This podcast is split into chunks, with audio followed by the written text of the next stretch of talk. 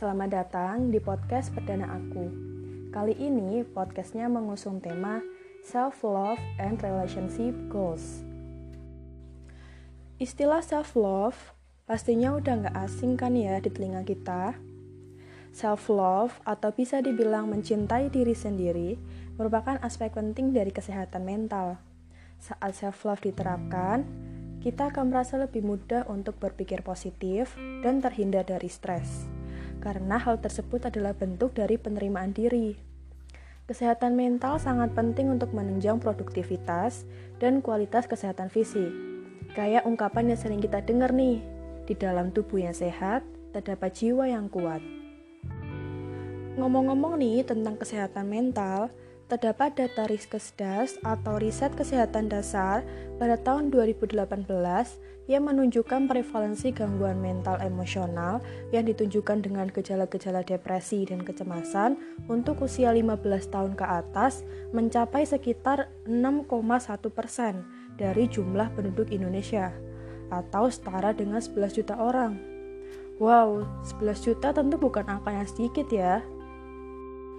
Maka dari itu, kita harus tahu nih bagaimana cara menerapkan self-love untuk kebaikan kesehatan mental kita. Ada empat cara. Cara yang pertama, kenali diri sendiri.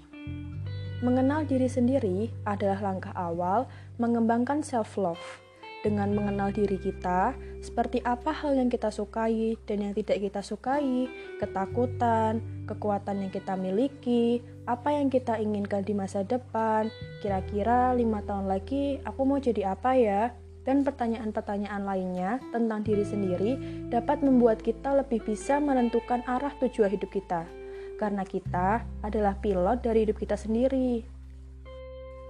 Cara kedua, Stop membandingkan diri sendiri dengan orang lain. Mungkin kita sering nih gak sadar membatin, kok dia bisa gitu ya? Wah hebat banget dia, jadi dia enak ya. Stop lakuin itu, mulai untuk bersyukur atas apa yang kita miliki. Karena terkadang hal kecil yang kita miliki, yang sering kita remehkan atau lupakan, itu adalah keinginan terbesar seseorang manusia itu nggak ada yang namanya sempurna, tapi ada manusia yang merasa cukup. Jadilah manusia yang merasa cukup dan bersyukur atas apa yang dimiliki. Fokus aja dengan apa yang bisa kita rubah dan fokus pada memotivasi diri untuk mencapai tujuan dan mimpi hidup kita.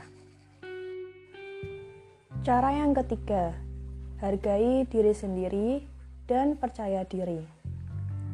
Rasa menghargai diri sendiri dan percaya diri akan hadir ketika kita sudah menyadari bahwa kita itu nggak perlu mengikuti standar penilaian orang lain, karena kita sudah mengetahui apa yang menjadi standar untuk diri kita sendiri.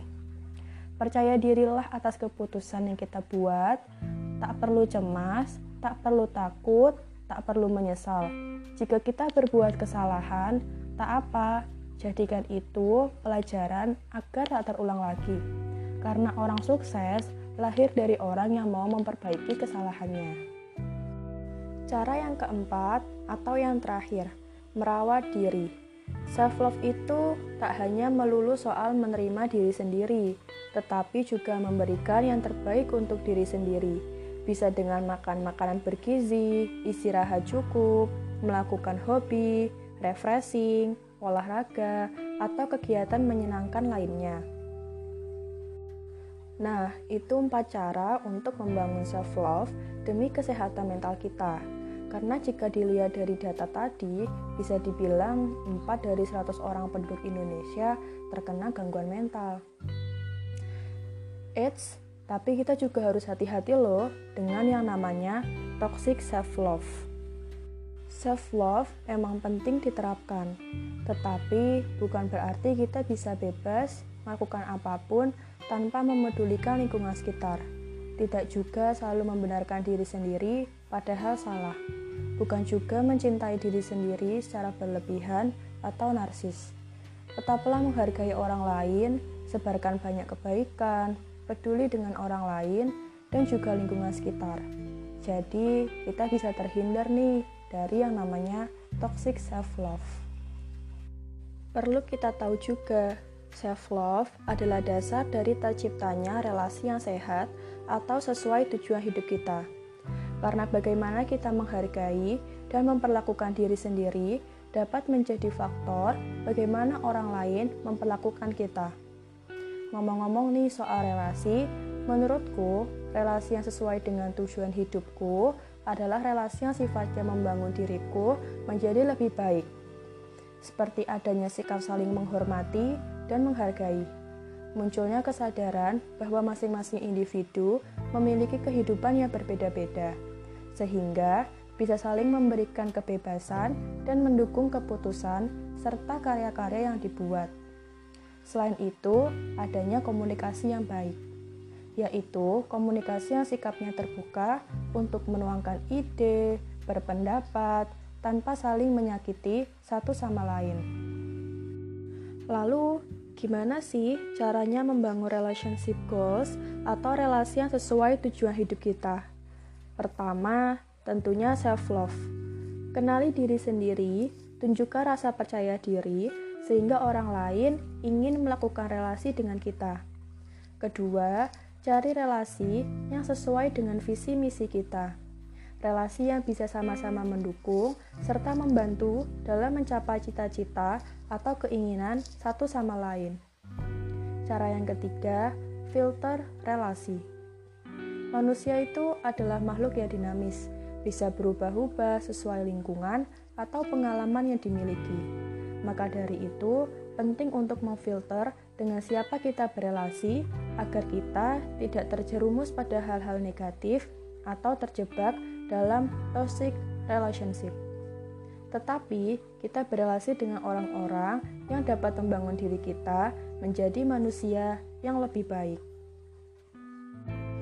Ngomong-ngomong tentang toxic relationship nih, terdapat data yang menunjukkan beberapa akibat dari toxic relationship. Berdasarkan catatan tahunan Komisi Nasional Anti Kekerasan Terhadap Perempuan di tahun 2019, dari 13.568 kasus kekerasan yang tercatat, 9.637 kasus berada di ranah privat sebesar 71 persen, di mana jumlah ini meningkat dari tahun 2018.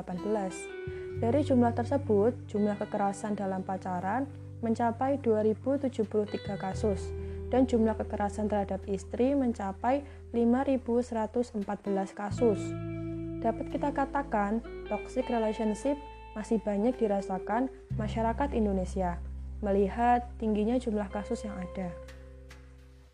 Kita tahu, toxic relationship nggak hanya terjadi pada sebuah pasangan, tapi juga bisa ada pada relasi-relasi kita dengan orang lain.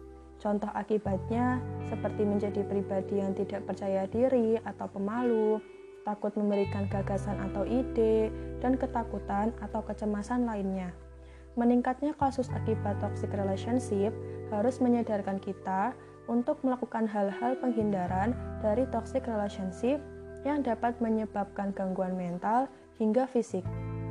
Seperti membuat pertimbangan sebelum menjalin relasi, pilihlah relasi yang membangun, bukan relasi yang merusak. Lalu carilah orang-orang yang dapat mendekatkan diri kita ke Tuhan. Karena dengan relasi ini, kita bisa lebih meningkatkan benteng diri kita dari pengaruh-pengaruh negatif orang lain. Wah, ternyata self-love penting banget ya untuk kita. Selain untuk kebaikan kesehatan mental kita, self-love dapat membantu kita menemukan relasi yang sesuai dengan tujuan hidup kita dan terhindar dari yang namanya toxic relationship. Semoga podcast perdana aku ini bisa bermanfaat dan bisa mengingatkan kita akan pentingnya self-love. Sekian dari aku, sampai jumpa di podcast selanjutnya.